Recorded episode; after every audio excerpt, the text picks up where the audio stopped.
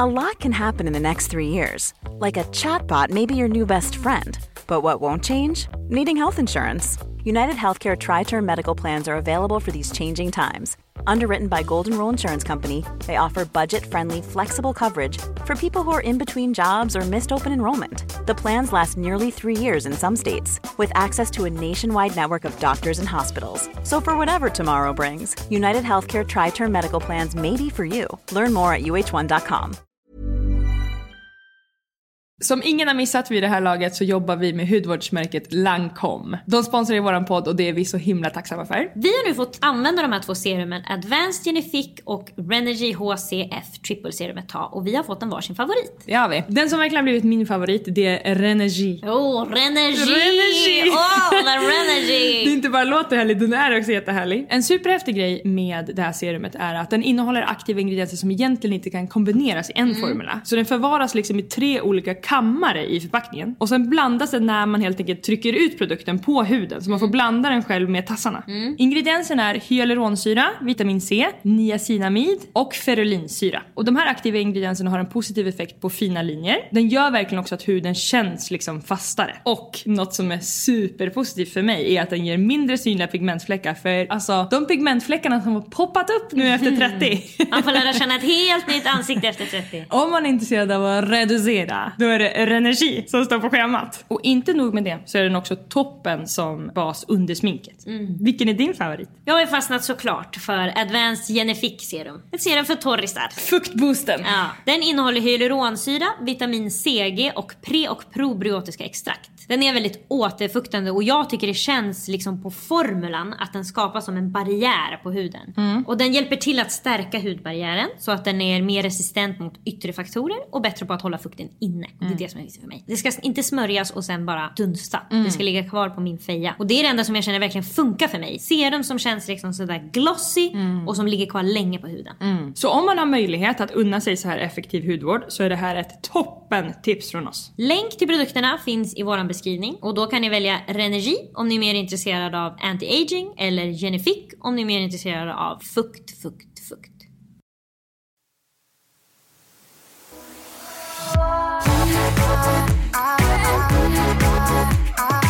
Jag och Henrik fick ett meddelande att det var några mäklare som ville komma och värdera vår lägenhet. Mm. Vi- De hör av sig stup i. Inte så många har gjort det till oss faktiskt, vilket är konstigt. Det är kanske för- för att den är ny eller något. Det- för jag tycker att det ligger i min brevlåda kanske bara en vecka. Det rings, det knackas på. Ja det är det, jag kollar inte i brevlådan. Nej, där har du svaret. Sen vi flyttade till nya lägenheten, alltså då är förut så bodde ju vi i ett hus. En lägenhet i ett hus. Så vi hade ju en brevlåda precis utanför så då gick man ju naturligt då varje gång fram och tillbaka och öppnade. Nu har vi för det första två brevlådor av någon anledning. Det är väl ett till kontoret och ett till vår lägenhet. Ja, det är anledningen, så det är inte av någon anledning, det är av den anledningen. Jo men, men det som är irriterande är att de fantastiska brevbärarna de orkar ju inte kolla vilken som hör till vad. De har ju några olika siffror på något sätt. Så de lägger bara var som helst. Så allt hamnar bara på olika ställen. Och de här brevlådorna har olika nyckelknippor. Jag är inte berömd för att ha Nej. olika nycklar. Jag har ju aldrig nycklar. Nej det har du verkligen inte. Så och det, vet du, jag ska berätta vad som gör att ditt nyckelliv är så jobbigt. För att du har inte allt på en nyckelknippa utan du har typ fem olika nyckelknippor. Olika väskor! Alltså det där är... Det är helt bedrövligt. Du har liksom, vart är postnyckeln går du det var därför jag inte kunde ha skåp i skolan. Alltså där fick vi klippa upp hela tiden. Jo men jag menar för de flesta är det lättare om man har en nyckelknippa med hemmanyckel, nyckel till brevlådan. Jag ser att folk har så i sina fickor i sina väskor. Jag Du förstår inte hur man inte med. börjar. Jag tänker också, vad ska jag ha där? Så tänker jag faktiskt. Hemmanyckel, Mm. kontorsnyckel, nyckel till två brevlådor och en blipp till soprummet. Lisa. Där har du hela ditt liv. Okej. Jag har löst alla dina problem. För så många gånger vi står utanför soprummet och du säger kan man ställa utanför? Jag har ingen blipp, jag har glömt blipp. Du har ingen blipp. Vi får se.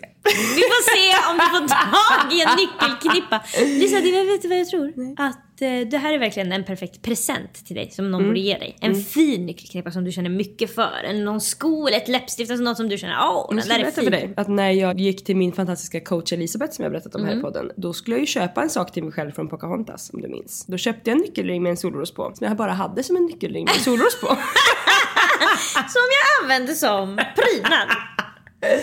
De här mäklarna kom och värderade vår lägenhet. Och det var jätteintressant. Alltså de gick ju igenom vad som kan ha gått upp i värde och inte och vad som är viktigt att tänka på om man vill sälja. Vilken typ av köpare som skulle vilja ha vår lägenhet för den är ju ganska liksom, speciellt utformad. Var inte med med det. Sen började mitt huvud spinna lite.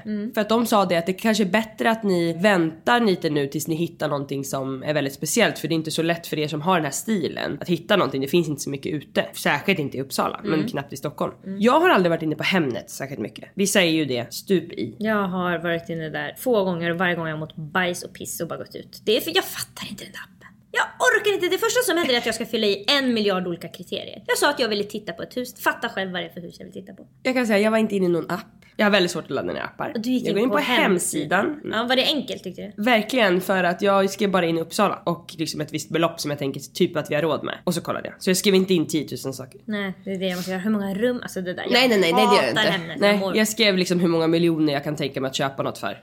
Och det första som slog mig, även om jag kollade i Uppsala eller Stockholm, är att jag var inte sugen på något. Det kändes ju i och för sig positivt för när jag är sugen på något så vill jag ju köpa det direkt. Jag är oroväckande. Vi har precis lagt eh, alltså, sista spadtaget på ett enormt projekt och då går du in på Hemnet och ska köpa något annat. Ja men det var verkligen, det var inte för att jag skulle köpa något, jag ville kolla om det var sant som mäklaren sa att ni kommer ha svårt att hitta någonting. Sa inte så ordagrant men det var det, var det som liksom, han var ju där Du i två läser väl timmar. mellan raderna? Jag läste mellan raderna och såg väl hur hans blick såg ut och lite smirk i sidan. Och sanna mina ord, där fanns ingenting som var intressant. Inte ens liksom för dubbelt så mycket än det som jag tänker att jag har råd med. Men det var en annan sak som slog mig. Och det var att även jag mådde piss när jag var där inne. Det liksom började bubbla upp en känsla i mig av ångest som jag då tog emot och tänkte vad är det nu? Och jag fortsatte kolla. Och Man trycker liksom på höger pilen för att det ska svepa igenom de här rummen. Så olika det är badrum. reklamer va? Det kanske också är i appen. Jag tycker bara, jag har svårt att då separera vilket är ett hus jag kan klicka på vilket är ett... Du har rätt, det som, det som kommer reklam. längst upp det är verkligen alltid reklam och den tryckte jag på kanske tre gånger tills jag Såklart. fattade att det var reklam. Jag kollade igenom de olika rummen, det är jättefina badrum, det är otroliga liksom, sovrum med stuckatur så att det fanns mycket som jag tyckte var fint men inte som kändes så här: det här skulle jag vilja bo i med Henrik. Jag tog hand om den här ångestkänslan och lyssnade på den och fick berättat för mig att det är ett trauma som du nu upplever, ett minitrauma. Jag bara, Du har haft det "Va?" jobbigt med det här tidigare. Ja men vad tänkte jag? Är det liksom Hemnet? Är det läge? Alltså så. Ju djupare jag gick in i det här så började jag förstå när jag swipade mellan de här rummen att det har blivit ett trauma för mig från alla fester som vi har varit på när vi var små. Det är inte nu liksom. Nej, när när folk har sina 15, egna 16. hem. När vi har varit hemma hos andra vuxnas hem med Mm. andra barn ju och festat. Hela det här konceptet att man hörde om en Kalle Bergström som hade fest i en stadsdel man knappt hade aldrig hade varit i, Mm. Ja. kollade upp bussen, åkte dit, hoppades på att bli, ibland knackade man bara på Ja, och sa vi hörde från Och då kunde de fråga vem känner ni här? Exakt, ja. Och då, då, fick, då stängde de dörren så gick de in och hämtade den. Ja, då oh my god det här hade jag glömt bort. Så fick den öppna. Jag och bara tror- ja det här är Emelie och Lisa jag från tror inte jättemånga var 8B. med. Jag tror inte jättemånga var med om det här. Därför att jag kände verkligen Vad ska du säga nu? det var mest vi. De flesta åkte inte till en okänd stadsdel när de bara kände Kalle Bergström knappt. Men Vi det var som gjorde vi. guldletare fast med fest. Vi stod och vaska, Mm. vaska, vaska i, men, men jag tror att många då bara tänkte då finns det ingen fest. Alltså många gick bara på fester där det var verkligen folk de kände som Ja. hade festen. Och det som hände var ju att alltså, nio av tio gånger blev vi insläppta. Absolut. Men den här tionde gången då hade vi bara fest utanför. Då stod vi utanför och dansade till musiken vi hörde. Det var otroligt. Ja. Det som var också för oss var ju att vi hade inte internet, vi hade inte mobiler med kamera. Så, Även om någon filmade det med en kamera så det var det pickligast. Ingen såg vad det var på filmen. nej, men det, då skulle det vara då att någon hade en digital kamera men den användes ju, den lilla batteritiden som fanns där, den användes till att ta 12 bilder som sen användes Inne i på ett och ett toaletten. halvt Ja, år. med blixt. Ja.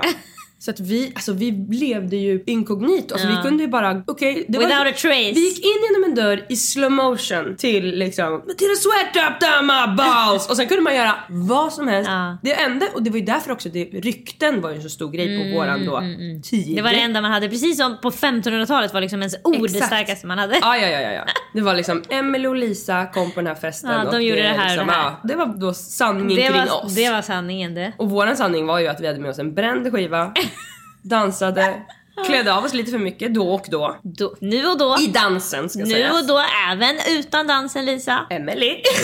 Lisa Borg, ska jag behöva påminna dig om det? Hur tankar man och låg i en säng med mig, bara bh? Absolut.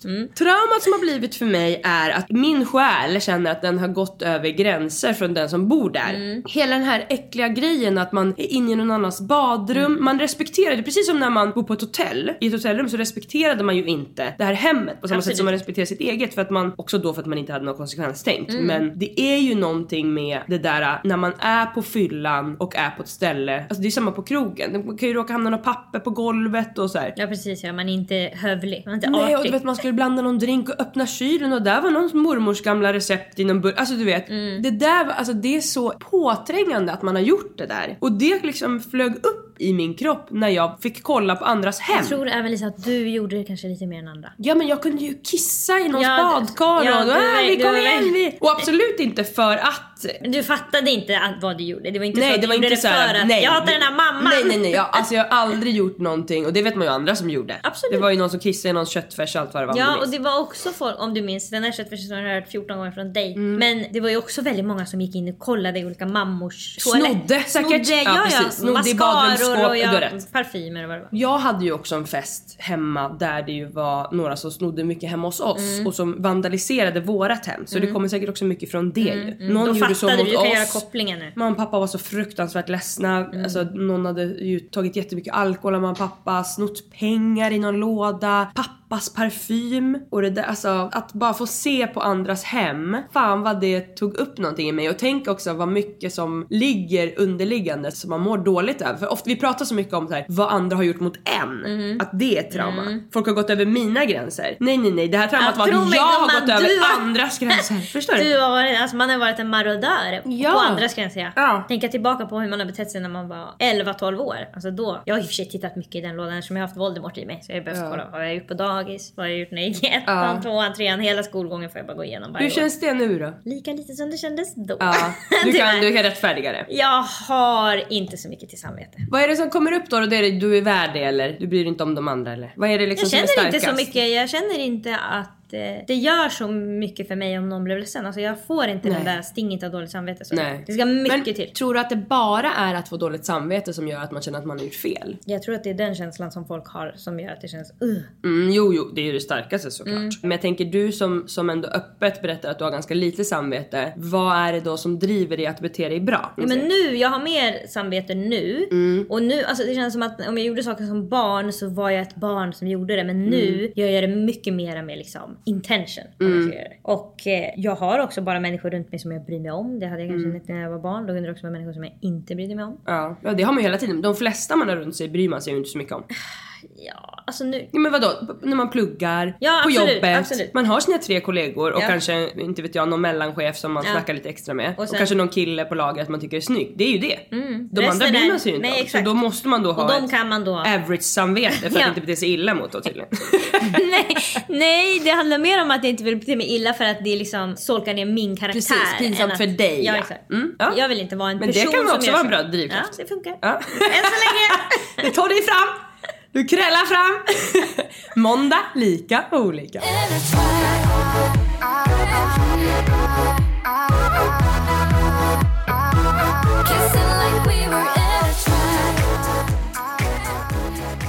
Jag har fått som en obsession, en besatthet Mhm. kring en tv-serie. Jag Mm. har sett serien tre gånger. Jag är villig att se den en fjärde och femte gång. Om Alltså, tillfälle nu- bjuds. Nu är det en ny obsession för såna här har du ju några. Absolut, ja, men det, det är inte en serie som man borde se om så många gånger. Ja. Absolut att jag ser om serier men det är oftast liksom sitcoms, lite lätta Mm. serier som jag har på i bakgrunden när jag sminkar mig. The Office. The Office exempelvis. Vänner. Vänner kollar jag inte på. När du ska sova väl? Mm, kanske när jag var yngre men inte Mm. nu. Nu är det New Girl, det är också Abbott Elementary och Modern Family på senaste. när jag berättade för de kan Henrik, rulla. När jag berättade för Henrik att Friends heter vänner då höll han på att dö. Det är så roligt sådär att Ja. vissa länder översätter ju och det är oftast Norge som översätter. Absolut, men de, de kallar det för Friends. Ja, och så det skulle ju vi lika gärna kunna gjort också. Jo, jo. Det är egentligen konstigt att vi har döpt det till vänner. Mm, för att det kom på 90-talet. Jo, men ja. Jag för- förstår att han skrattar. Ja det förstår jag också. Han, det är fa- jätte, han, det tog ju jättekonstigt. två sekunder, han kollade på mig han bara vänner. Alltså, bara, säger ni vänner om friends? Alltså Ja. då var det bara Ja. dödsskratt. För en gångs skull fick han Ja, trycka men dit så dig. låt honom. Låt det gälla skrattet skölja över Rosendal.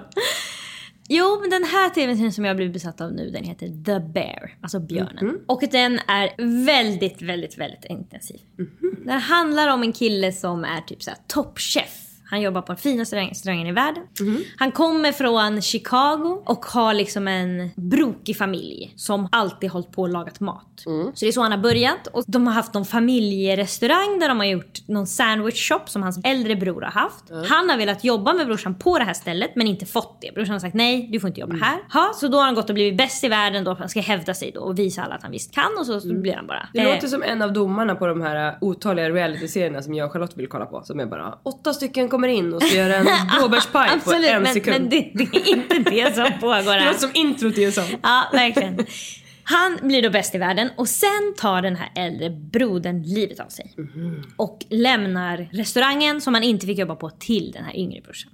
Så det är då vi börjar följa honom. Och han mår sämre än någon du någonsin sett. Alltså han har som självskadebeteende att jobba ihjäl sig, aldrig äta något, bara röka och liksom ja, späka sig själv för att han inte är tillräckligt duktig tillräckligt snabbt. Så han ska försöka ordna upp den här restaurangen då. Och det finns två säsonger och den första säsongen då är det verkligen, alltså det som gör att den är så intensiv att alltså det är hela tiden problem. Han vaknar på morgonen helt alltså stressad, han sover typ på en bänk i köket, han är helt, alltså helt Det fuckad. låter inte nej som en av dina vanliga. Nej! Alltså att du, bara att du ska följa en man som liksom har problem håller på och röker. Stress, alltså det, stress, stress, det är stress hela tiden. Ja. Jag brukar inte gilla Dina så värsta män, stressiga, liksom. jag, jag brukar inte gilla stressiga Nej. serier. Jag älskar den här serien. Alltså det är så stressigt från början till slut. Han vaknar, han har fått för lite kött. Gillar i och för sig män som måste kämpa. Det har du alltid gjort. Men som måste kämpa och som har moral, Lisa. Han har inte det. Till viss del absolut. Okej. Men det är inte han är inte Jon Snow. Nej nej. du ska inte stå på alla fyra och grina. nej. Där det var risk att Jon Snow skulle dö. det var inte ens när han dog. Det var bara när han var i fara.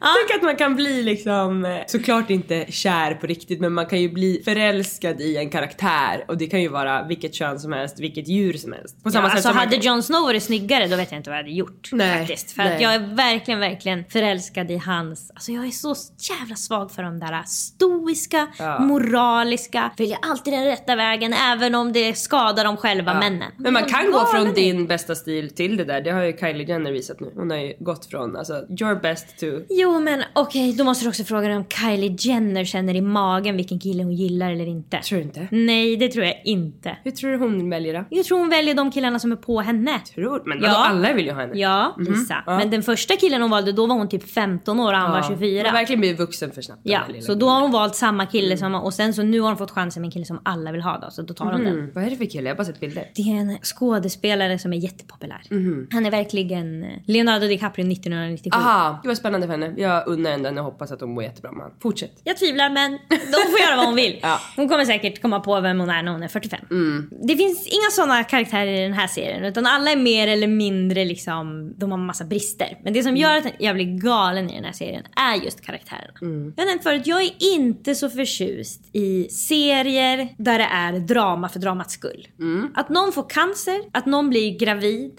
att någon dör plötsligt. Är tre ingredienser för att jag ska hata en serie. Mm. Det finns inget värre. Det är för lätt. Alltså när det ska vara någon jävel som går in och kräks på toan. Och det är sista avsnittet. Mm. Ja, ja, alltså. Mm. då känner jag, nej tack du. Jag känner ofta att det är att de liksom trycker på en knapp alldeles för tidigt. Ja. En Panikknapp, hon får bli gravid! Men det är också att, att förenkla livet så mycket för att Ah. det finns ju saker som känns lika starkt som att råka bli gravid när man inte vill men som är svåra att gå in i eller svåra att berätta De om. måste underbyggas, du måste bygga upp det. Du men kan som inte bara... vi är med om en gång i månaden ju. Så Ja. händer det något som man bara såhär, okej ja, då Viktigt, behöver inte jag fortsätta leva nu då. Och sen så tar man sig igenom hela den dagen. ja. Men då måste de först förklara för oss varför Ja. Mm, skulle den här karaktären känna så mycket för den här grejen. Vi vet att alla skulle känna. Och graviditet är ver- verkligen också det värsta för sen tvingas de ju ha en bebis i serien Ja. som aldrig passar. Jättejobbigt för dem att de måste ta in en jävla tvillingpar som de måste hålla lugna i 12 timmar när de ska spela in. Ja. Den jag kan faktiskt aldrig åldras- slappna av när det är ett barn under två år med i filmen. Jag håller med, är här, jag håller med. mm, Okej, det är två deltagaransvariga som ska ha hand om det där. Det är en mamma som står bakom så här: nu, nu, nu, kan jag ta, nu, ska jag amma nu. Alltså du vet, den riktiga mamman. Det är också, vi har följt en vuxen person Mm. i en serie. Men nu, alltså när man har fått ett, om man har ett litet barn, Mm. då finns det inget mer av den vuxna kvar under en viss period. Precis, första året och Ja. det vet vi. Så nu ska allt handla om barnet, eller? Jag vill inte kolla på en serie om en nyfött spädbarn. Mm. Ja. Det var inte det jag kollade på. Eller så känns det inte äkta. För varför Ja, eller så, för det de gör ofta är ju då bara att de skiter i bebisen. Mm. Väldigt mycket. Och då känner man ju också bara, varför skulle ni ens ha den då? För att personen gör ju allt som den gjorde innan. Mm. Nu är den återigen på fest. Fast för två veckor sedan den låg på förlossningsbordet. I Mm. vilket fall skulle förhoppningsvis The Bear aldrig göra så här mot mig. Att det skulle helt plötsligt bli någon jävla graviditet som inte är underbyggd. Mm. Den är jätteintensiv och karaktärerna är det man faller för. Och i första säsongen är det som att huvudkaraktären heter Carmen och i den här restaurangen så är det ju brorsan som har drivit den tillsammans med brorsans bästa kompis. Och den här bästa kompisen kallar de för cousin, han heter Richie. Men de kallar dem för cousin så de är som släkt då, att de är kusiner. Och han är ju liksom, det är som att de, de bråkar om hur restaurangen ska styras. Carmen kommer in och säger vi ska göra så här, vi ska ändra om allting. Och Richie säger skojar du, det var så här din brorsa som har dött ville ha det. Det är klart vi inte ska ändra på någonting, vi ska göra exakt som han hade gjort. Så i första säsongen så är Richie en karaktär som är liksom, man faller lite för honom för han är verkligen sån där, han är sån här som ska berätta historier. Alltså han är verkligen Charlottes killtyp. Din pappa också låter det som. Ja, inte lik min pappa. Okej. Du gick bara på att han berättar historier nu. nej men du gjorde något med armarna också. nej, nej, nej, han är inte... Han är väldigt olik min pappa. Men han är väldigt lik alla killar som Charlotte blir kär i. De, de gör absolut ingenting. De står och hänger men de är roliga då i, i en grupp med fyra. Så Ja kan de är charmiga och de lever väldigt mycket i nuet. de sover ingenting, Mm. de mår väldigt dåligt, de har odiagnostiserade diagnoser. Då. Mm. Så Richie är liksom en antagonist i första säsongen. Carmen är ju huvudkaraktären så det är honom vi tycker om, det är honom vi vill att det ska gå bra för och Richie står liksom lite på andra sidan. Sen kommer säsong två. Och säsong två är väldigt annorlunda på något sätt från säsong ett. För att nu är det som att de som har gjort serien har fått ett förtroende. Så Mm. nu gör de en timmes långa avsnitt om bara en karaktär. Mm. Det är ett helt avsnitt när en kille åker till eh, Köpenhamn och ska lära sig göra desserter. Det där gillar jag jättemycket som de gjorde i Skam. De gjorde också där gillar du. Playlist. Det är betydligt för mig. Ofta så kollar du och jag på såna här typer av serier Ja. tillsammans. Typ Fleabag, alltså såna Oh där. Mm. när de verkligen kan vara för länge på en Ja, grej. jag älskar det så jävla mycket. Ja. Fördjupa dig nu Ja. och med, med humor så att jag, mitt sinne orkar vara kvar. Exakt, exakt. Ja. Jätte, jättebra. Precis, det måste vara små Ja. stänk av intresse så att det inte blir för tungt. Det får inte bli liksom grått. Nej. Jag tror att det avsnittet som de flesta kanske kommer ihåg från den säsongen är avsnittet Fishes när man får se Carmens familj när de firar jul några år tidigare liksom innan serien har börjat och det är så kaotiskt som man tror inte det är sant. Och de bygger upp, alltså de bygger upp så mycket spänning som man tror, alltså man tror knappt att det är sant. Det är sådana små konflikter hela tiden som liksom kulminerar när alla ska sätta sig och äta. Mamman har stått och lagat i timmar, alltså mamman är, hon är röd om hela händerna för hon har bara tagit, man får se henne lägga vitlökssmör på ett bröd, då tar hon vitlökssmör med handen och kletar på brödet och lägger ner, alltså hon, hon det där bara, kan jag göra i och för sig. jag tror Det var det. jag som blev filmad. Men jag tvättar händerna innan.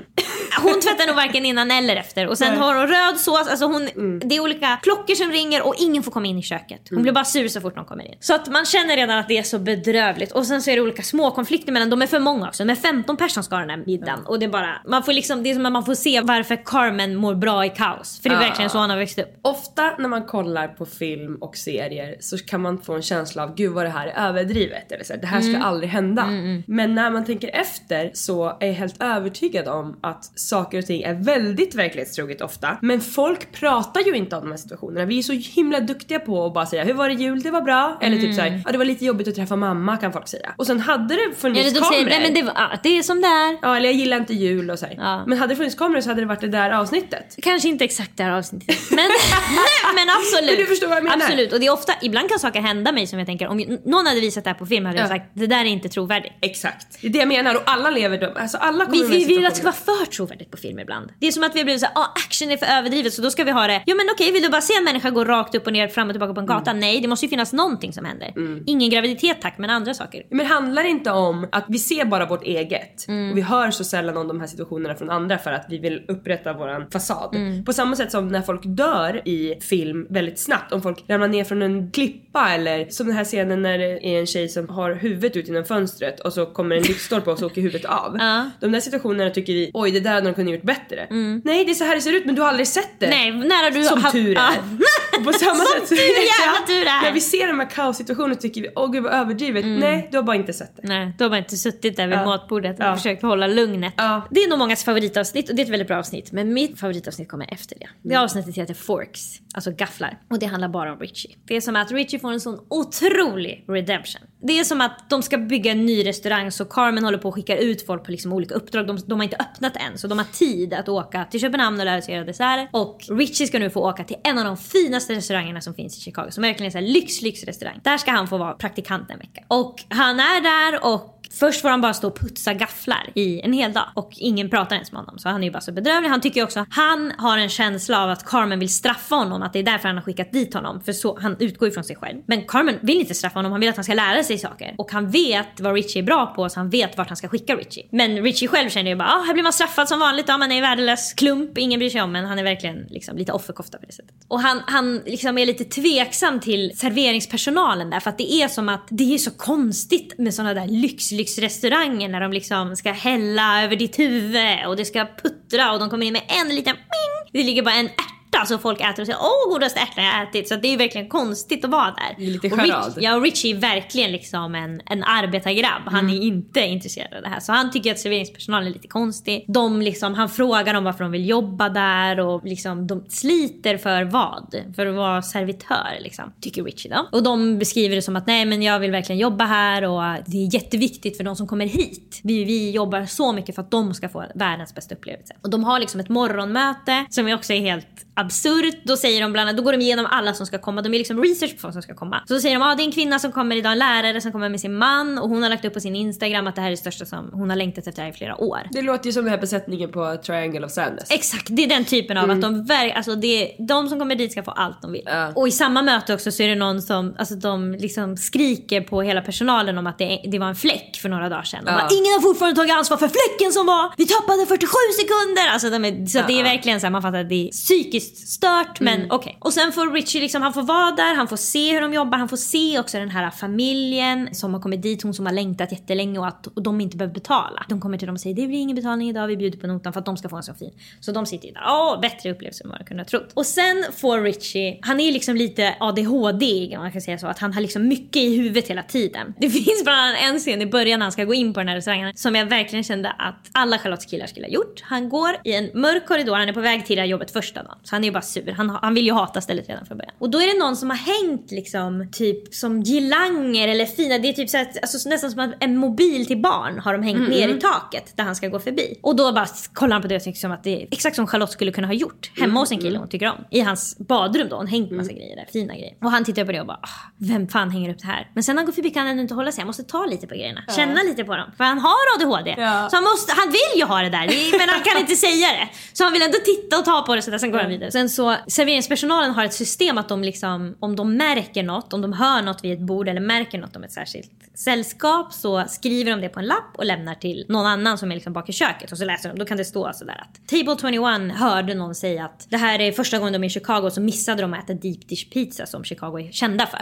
Mm. Då har de en servisen hört dem säga det, lämnar lappen och då får Richie tag i den här lappen och säger vad ska vi göra, vad ska vi göra med det, vad ska vi göra med det? Och då säger my hon God. som jobbade, det vet du vad du ska göra med det. Så Richie får kuta, Där köpa är ju pizza. jobb för mig. Gå omkring och lyssna och skriva på lappar va? så att hur vi Så kan göra alla det ska blir få bättre bä- för dem. bästa bästa upplevelsen Lisa. Sluta. Det där hade du blivit galen av. Jag får jättehög puls nu. Du och Richie. Åh, Richie pappa, får... Min pappa, tror du han hade velat? Det hade inte gått. Båda ni hade fått hjärtattack inne på... Ni hade blivit som det djur sådär när de springer och bara ramlar. Grejen är att vi gör ju det här oavlönat hela tiden. Så jag hör ju fyra bord runt och så är det väl liksom någon som då är jättekissnödig men vet Ja. inte var toan är. Alltså då måste jag Någon som är hålla i mig för att inte gå fram och bara jag kan gå med dig till toan. Torka dig.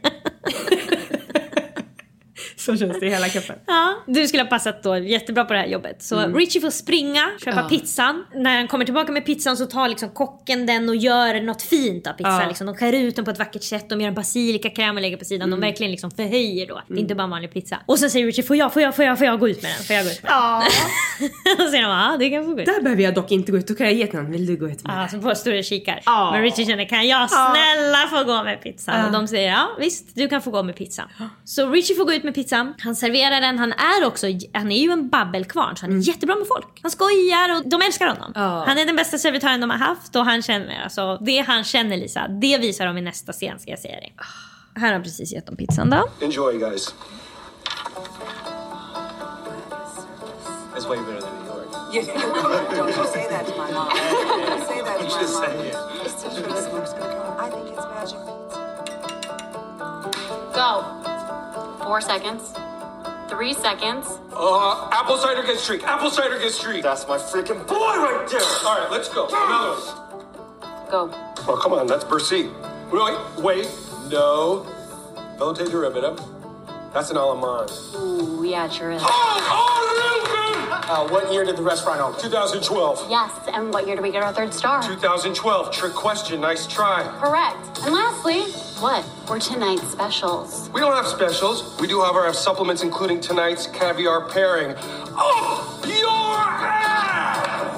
Så vi får se liksom Richie, han får, nu är han ett med servicepersonalen. Mm. Han får också, det här är något som jag verkligen märkte med till exempel David. Mm. Någon som inte är så bra på Average. Nej men inte så bra på att komma ihåg information. Men när det handlar om något de gillar, då kan de absolut allt. Ja, och jag blev ju tårögd när jag såg det för jag kände igen mig, kände Henrik, Ja. Det här är många personer. Hanna, det här Charlotte. handlar om att hitta sitt Ja, purpose. mm. Han får nu stå med servicepersonal, han får smaka på olika grejer, de Ja. ställer honom frågor, han har övat, han har suttit hela natten Mm. och läst en bok om den här restaurangen för nu är han helt med den här, Ja. Mm. liksom som man först tyckte var en sekt som hänger upp konstiga grejer i taket. Nu känner han den här sekten är allt som finns, varför jobbar jag inte här? Ja. Och sen får vi se, som jag tycker är nästan mest otroligt, när han åker hem alldeles för fort. Han flyger över farthinder, han skriker vet inte till folk. snabbt han kör. Nej! Akta! skriker han till folk när han och kör. Och sjunger med det högsta han kan till Taylor Swift fast han knappt kan låten. Han, Ja. bara vet, han kan inte texten, han kan känslan. Ja. Och det är den han känner. Jag tycker också att det är så signifikant för de här slags personerna som, för det jag menade med average, det är average saker, alltså sånt som man ska kunna. Ja. Folk som inte är så bra på, på de vanliga sakerna är ju ofta väldigt bra på vissa saker, alltså att det är väldigt smalt. Och då är det som att det har överkompenserats dit, så att man kan inte göra allt det där andra. Nej, nej, nej. Och det är helt fantastiskt när man ser en person som, som honom hittar det där purposet. Och alla har ju det purposet någonstans. Ja, det är det som vi gör när vi försöker skriva de där listorna. Vad ska jag Ja, jobba med? Hitta ja. en plats där du har ett sammanhang och hör Ja. Mm. hemma. Det är det Richie nu, han har inte haft det. Han är över 40 år. Han har bara gått runt och folk har sagt att han är värdelös, kan ingenting, Mm. jobbig, sluta prata hela tiden. Nu får han prata med folk som vill höra hans skojiga skämt. De vill att han, alltså de önskar att han var längre vid bordet men Mm. han går bort i tid från bordet. Och det är ju också just med ADHD att få beröm är ju någonting Istället för speciellt. skäll. Ja men precis som man har fått hela livet. Jag fick, eh, jag ska ju gå över nu från, jag gjorde min ADHD-utredning privat och nu ska det läggas över till statligt. Och då fick jag in på min 1177 som jag gick in på själv, känner mig jätte, Wow. jättestolt över det. Då var det sju olika listor jag var tvungen att fylla i. Det var så här om alkohol och allt Mm. möjligt sånt. Och när jag hade gjort det så fick jag en jättelång utbildning med massa olika YouTube-klipp. Nej men det, och det var inte så här, det här måste du göra nu. Nej, okej. Det var ganska gulligt för det var verkligen så här: det här kan du göra själv men kanske helst med en partner eller familjemedlem Mm. så att ni kan lära er om ADHD. Och jag tyckte att det var jättefint. Jag tänkte det här är verkligen något som kanske jag ska ta med mig någon gång som typ du och jag och Charlotte kan kolla på när vi ses. Mm. Men när jag gick in så såg jag att det, det handlar alltså om timmar av eh, material. Så att jag bara läste rubrikerna och då var det en som hette typ att göra svåra uppgifter eller Mm. att komma igenom något man tycker är, är svårt. Och jag tryckte på den, det var typ så här 17 videon, Mm. gick in, orkar inte se introt så jag spolar till mitten och hamnar rätt in i, då är det någon som har målat upp bara hur det är för en person utan ADHD att göra någonting och då är det liksom Mm. Det börjar... då är grafen ganska rak, det går upp och ner, det ser bara ut som en liten myrstacksyta. Och för någon med ADHD så går det först jättehögt upp, man får motivation och sen så går det bara rakt ner. Och då visade den här gulliga killen med stjärnor i ADHD-grafen att så här, här skulle det kunna ligga till exempel beröm eller att man köper något till sig själv, alltså man kan själv då ge sig någonting. Och det var bara så himla härligt att se att det är inte att, ah, gud jag måste få beröm för att klara av det här utan det är verkligen något som är i diagnosen. Jag måste få beröm för Ja, att klara mig. precis.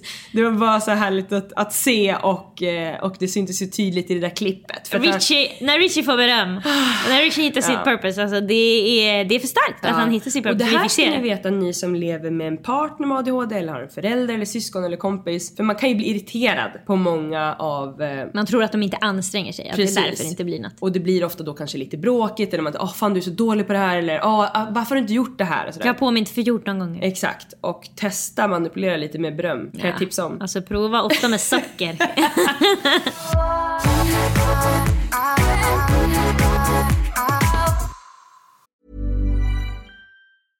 Selling a little or a lot?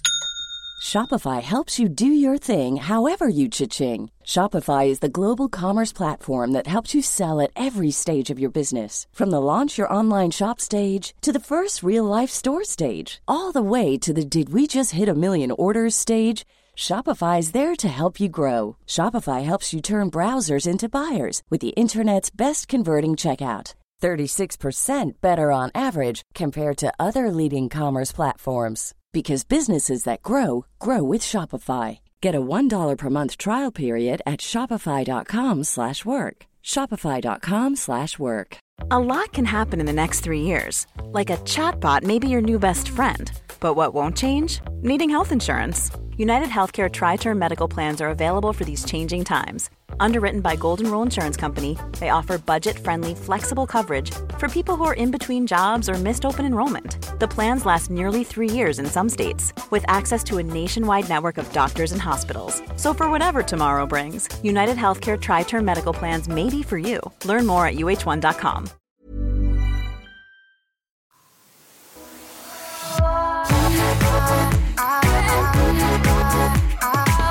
Dags för Du Stockholm tänker högt.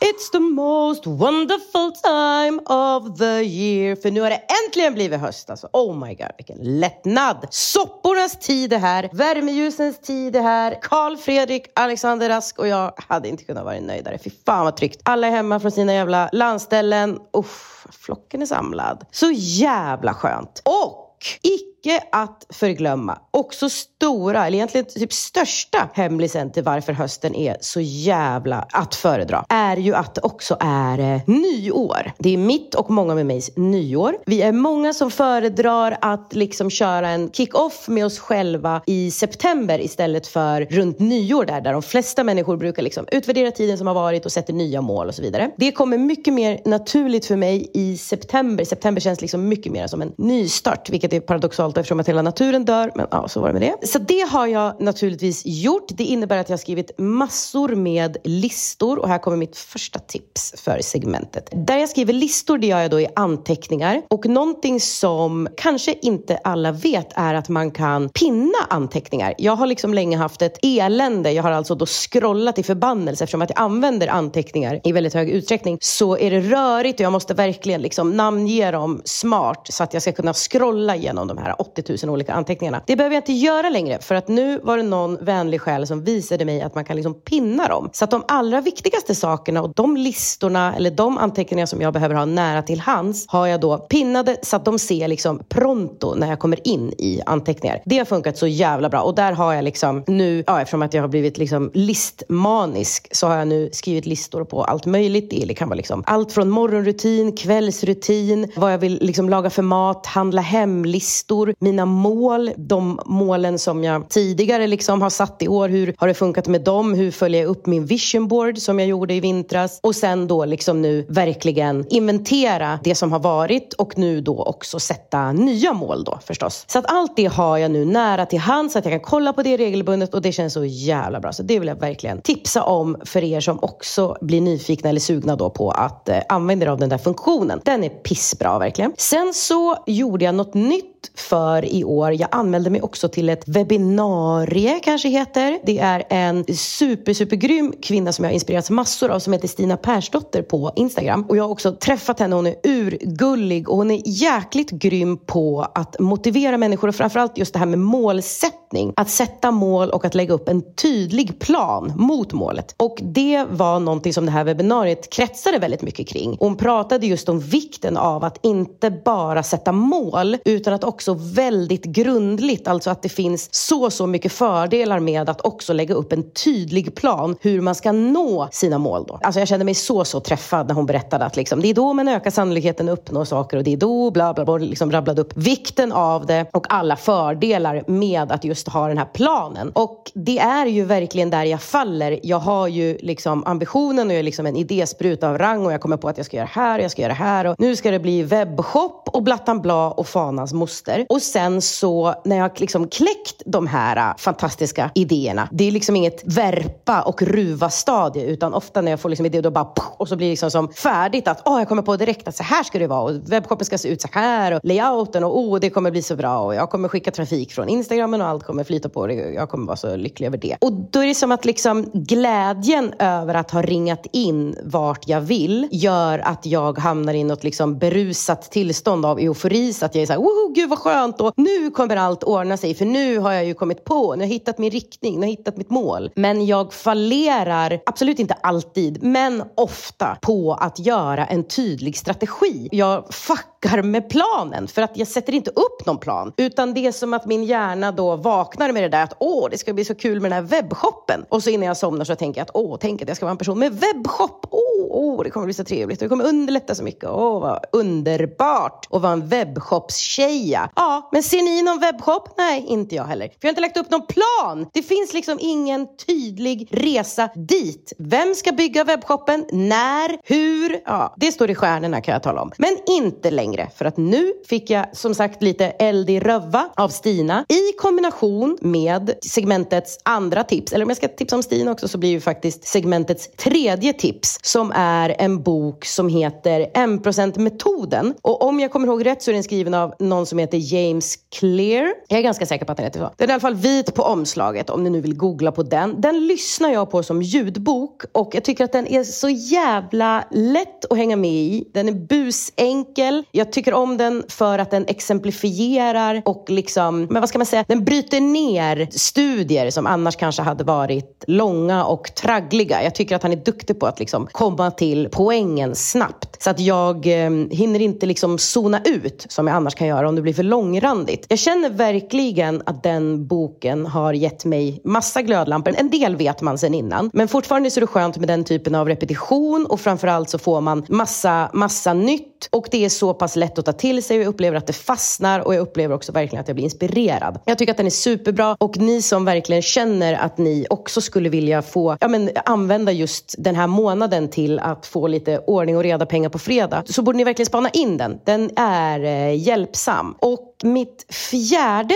tips är ju det här genialiska som, nu minns jag faktiskt inte vem av oss, Lisa, Emelie eller jag som knäckte den här idén, men någon av oss eh, kom på något jättehjälpsamt som ska gå av stapeln om bara några dagar. Och det roliga och spännande tänker jag att eh, ni ska få berätta om, Lisa och Emily. Så berätta gärna vad vi ska göra om några dagar tillsammans. Det är du som ska ha credden för att du har kommit på det här. För det som hände var att vi har en bekant som var i en ekonomisk knipa, sträckte ut en hand till oss och frågade kan ni snälla hjälpa mig att Vad ska jag i det här?" göra? Jag vet Ja, inte hur man gör. Så det vi gjorde var ju att ses och sen så bara rev vi upp himmel och hav. Vi blockerade olika konton. Ringde banker, alltså betalade in, Ja. strukturerade. Vi Ja. gjorde skiten helt enkelt. Det där som man drar sig för. Exakt, på samma sätt som jag gjorde en gång med en vän för tiotal år sedan som mådde råtta och jag kände inte henne alls bra och satte mig i hennes kök och det kom upp att hon antingen hade lånat ett par skor som hon hade tappat bort eller att det var någon annan som hade lånat ett par skor och aldrig lämnat tillbaka. Det var någonting som liksom Någon kom upp flera ja. gånger och jag satte mig ner och så sa jag att nu ringer vi den här tjejen och så löser vi det här eller vi skriver ett sms eller vad jag sa. Fixar det nu. Och när vi hade gjort det så märktes det att jag märkte att det var saker kvar och då kom det ju upp så här betalningsanmärkningar, det var massa grejer som kom upp så vi skrev bara ner hur ska vi lösa alla de här sakerna och så löste vi det. Så det var också en sån situation där en Vissa vän saker, man kan inte lösa alla saker själv. Nej, och är man en person som stoppar ner huvudet i sanden, vilket jag skulle säga att varannan är typ. Ja, typ. Båda de här personerna är ju såna, Mm. den som vi hjälpte nyligen och den som jag hjälpte för tio år sedan. Då hamnar de här grejerna på berg. Och i- då, man kan aldrig öppna lådan då för då är det redan för mycket Nej, där man kan inte heller begrava ett berg i sig, det är för stort. Så till slut så då kräks man eller gråter, eller ja. Vandra naken på stadens gator och torg. Exakt, och det finns ju knappt någon skönare känsla än att... Alltså det är två sköna känslor som händer när man gör det här, när man hjälper en vän. Nummer ett är ju att det är jätteskönt att hjälpa en vän. Mm. Nummer två är ju att vännen blir av med sitt berg. Alltså den lättnaden när man har fått öppna sitt hjärta och berättat att man har gjort bort sig. Det som är också är att vännen har ju ett berg gjord av sten i magen. Ja men ett oöverstigligt, det är det de känner. Det här kan man ingen bestiga. Exakt, men för oss är det bara ett isblock som vi kan En smälta tuva. med bara lägga Ja, 30 inget grader problem. på så är det borta um, alltså 15 minuter. Andras problem är ju inte lika stora för en. Exakt. Så det som Charlotte pratar om som vi ska göra är att vi har gjort en liten grupp Mm. med kvinnor som kan behöva stöd. Och eh, då ses vi då med jämna mellanrum. Mm. Och så har man med sig en liten skampåse. Man har saker man skäms över eller saker man inte klarar av att lösa själv. Och så får man då berätta att ja, okej jag har det här då. Mm. Jag har eh, glömt att gå till läkaren fyra gånger och nu, Mm. nu vill de inte boka en ny tid med mig. På min lista bland annat, den är, jag har kanske sju punkter som jag ska ta upp, men på min lista är bland annat betala tillbaka ett lån. Mm. På min lista är bland annat komma igång med att göra våran bröllopsbok. Ah, det, Som jag det har hängt över det ja. Ja. För, det är för svårt att börja. Nej men det som hände Emily var ju att jag gjorde bröllopsboken i flera dagar, jag gjorde direkt. Alltså jag blir nästan tårögd. Nu. För jag gjorde en så jävla fin bröllopsbok. Och sen så försvann den bara. Nej, sen när jag skulle göra den så delades den upp i sju böcker för den var för stor. Och då skulle det kosta typ 10 000. Och jag vill inte ha uppdelat i, i Nej, sju, böcker. sju böcker. Då skulle jag hellre i sådana fall tagit de bästa bilderna Ja. till en bok. Ja. Men de berättade inte att det var sju Nej. böcker förrän jag skulle betala. Och när man hamnar i det där att man Då låser det sig. Exakt sådana grejer man behöver hjälp med. jag la så mycket tid, jag blev besviken, jag vill aldrig mer öppna den Nej, lådan. nej. Mm. Då byggs berget på. Men kan jag berätta om det för er kanske vi också kan skratta åt det här och så Ja, kan och vi göra hitta det en ny hemsida där du kan läsa innehållsförteckningen och säga att du kan göra 80 sidor, då gör jag 80 sidor. Ja. Sen kommer jag kunna göra den själv men jag behöver hitta en sida där inte det blir sju böcker, det kostar 10 000. Mm. och det som är grejen också att vi pratar ju ofta om ADHD i den här podden eftersom att både jag och Charlotte har det och det är ju väldigt vanligt när man har ADHD att man skjuter upp saker, har svårt att komma igång med saker och framförallt har svårt med system. Alltså hur ringer jag till vårdcentralen? Mm. Har jag ens den här försäkringen? Vad hette min försäkring? Allt det där. Vad är folkbokföring? Exakt, vad är folkbokföring? Mm. Men det ska sägas att alla människor har ju sina svårigheter att komma igång. Det är olika saker som känns ja, jobbigt. gud, ja, Du kanske vill ha hjälp att ringa till någon till Ja, exempel. det är ju eller- verkligen sådana grejer som kan ligga för mig. Att jag måste ta kontakt med någon. Ja, så det ska bli intressant att se hur det går. Jag är säker på att det kommer gå bra men det ska bli intressant att se, för jag är intresserad av logistiken. Alltså hur kommer det gå? Ska folk göra, säga varannan grej? Ska man fokusera på en person tills den är klar och sen gå till Mm. Jag nästa? skulle rekommendera för att alla ska få sin tid i solen Ja. att man ställer en klocka som ringer efter 30 minuter, efter 40 minuter. Och då är den tiden man har så börja med de viktigaste grejerna. Hinner vi inte alla dina grejer får vi ta det en annan dag. För annars kommer inte alla hinna få sin tid. Jag hör vad du säger men jag är skeptisk. Därför att för mig är det så viktigt att folk får den tiden de behöver. För vissa behöver mer tid och jag är väldigt stressad av tid ju. Mm. Så mitt tips är verkligen att göra, man, man gör en lista där den viktigaste grejen är högst upp. Mm, så Så om jag har fem taget grejer, då. exakt. Och så börjar jag med min Det som är jobbigaste. synd är att den som är sist kommer inte få göra alla Alltså det... Man gör en och en ju. Jo jag vet. Men Ja. om vi börjar med dig och Ja. sen kommer jag så kommer Ja. jag aldrig hinna göra mina grejer. De som är efter mig kommer inte hinna för vi kanske lägger 50 minuter på din första grej. Ja, men då måste vi bestämma alla gör minst tre till exempel. Precis. Något sånt måste Då är det samma system som jag föreslog. Jag klarar inte tiden och det Nej. kommer inte Charlotte till heller. Okej okej. Vi behöver inte säga, jag har noll grejer på min lista så Har jag du? kommer ju bara, ni kan få min halvtimme så har ni 45 minuter i var. Okej men till nästa gång då, vad tror du att du skulle kunna ha på din lista? Inget som kan vänta så länge tror jag. Jag vet inte, jag har inte något, alltså du, kan, du kan säkert komma på något men just nu har jag ingenting som Nej. jag inte har tagit tag i. Och det om jag har något som jag inte tagit tag i så är det tyvärr inget som ni kan hjälpa mig med. Nej. För då är det att jag måste skriva min Men det- bakgrund till min forskning. Ibland kan det dock vara ju att du behöver stöd i hur du ska tänka med saker eller hur du ska börja. Absolut men oftast faktiskt jag ber om den hjälpen då. Då skriver jag i chatten, hej jag vet inte hur jag ska göra med det här. Så, du Så är, jag har inget just nu. Du är ju... Eh, Det som egentligen, det som jag känner. Jag det, vet vad du ska säga Ja, jag har gjort den här gruppen för att ni ska slippa må dåligt. så att jag kan hjälpa er, för det här är sådana, ni kan inte göra de grejerna som jag kan göra. Så att jag kan göra sant. de här grejerna åt er. Sen kan ni hjälpa mig på jättemånga andra sätt men inte kanske just i det här formatet. det är sant. Det är mer till för den som Eh, har svårt. men jag tror att plötsligt kommer du skriva upp något på den Absolut, här jag tror också att det här är första gången vi gör det. Så att jag kanske kommer nu fatta vad jag kan ta upp. För att jag har inte fattat. Nej. Det kan också vara att jag kommer på något under tiden för att du ser en grej som får mig att tänka på en grej som jag har. Ja, jag tror du måste tänka att det är en merge med de här ceremonierna som vi har gjort. Mm. Alltså att du kan också ta upp, jag har haft jobbet med min moster i två veckor. Hon smsar mig och jag vet inte vad jag ska svara. Alltså sådana grejer. För sånt kan ju du säga när vi bränner saker. Mm, absolut. Eller jag vet inte vad jag ska börja träna har ju du haft till exempel. Sådana grejer kan ju du verkligen ta upp. Men jag fattar också att eftersom det var du som kom upp med den här idén så har hela den här klubben, Hjälpa ADHD-klubben, Ja. Den, det är du som har utformat den i ditt huvud. Så ja. jag tror verkligen att du har rätt med att du måste först sitta Precis, jag i inte, sammanhanget. Jag har inte, precis, jag har inte öppnat den dörren så att jag har tänkt så här, vad skulle jag kunna ta upp? Och jag har inte kommit på något. Nej. Jag känt det gör inget att ett sånt möte blir att jag hjälper er. Gud nej. Alltså- och det som också är, jag känner är att jag har ju ganska svårt att hjälpa mig själv men väldigt lätt att hjälpa andra. Jag kan ju hjälpa Ja, andra med alla. sånt som jag tycker är svårt själv. Ja och så är det ju också även om jag säger att ah, ni, kan, städa hemma hos ni andra. kan inte hjälpa mig att skriva min forskning så kan ni absolut hjälpa mig att komma på ett system för hur jag ska göra det. Alltså det, man Eller behöver du inte säga bäst på morgonen, du, Ja, då du borde precis. Ja. Du, du kanske ska skriva det på morgonen, du sitter på kvällarna och sliter ditt hår. Det är inget bra. Exakt, så att man kan alltid få hjälp även om det är så här. "Nej, men det är bara jag som, de måste ha mitt bank-id så det är jag som måste ringa banken. Jo, jo men du kommer lättare att ringa banken när det är någon som sitter bredvid kanske. Det är också världens finaste sätt att komma närmare sina vänner. Just Alla för, behöver, alltså alla behöver hjälp. Mm, för att återkoppla till ditt ämne med den här Richie. otroliga julaftonen.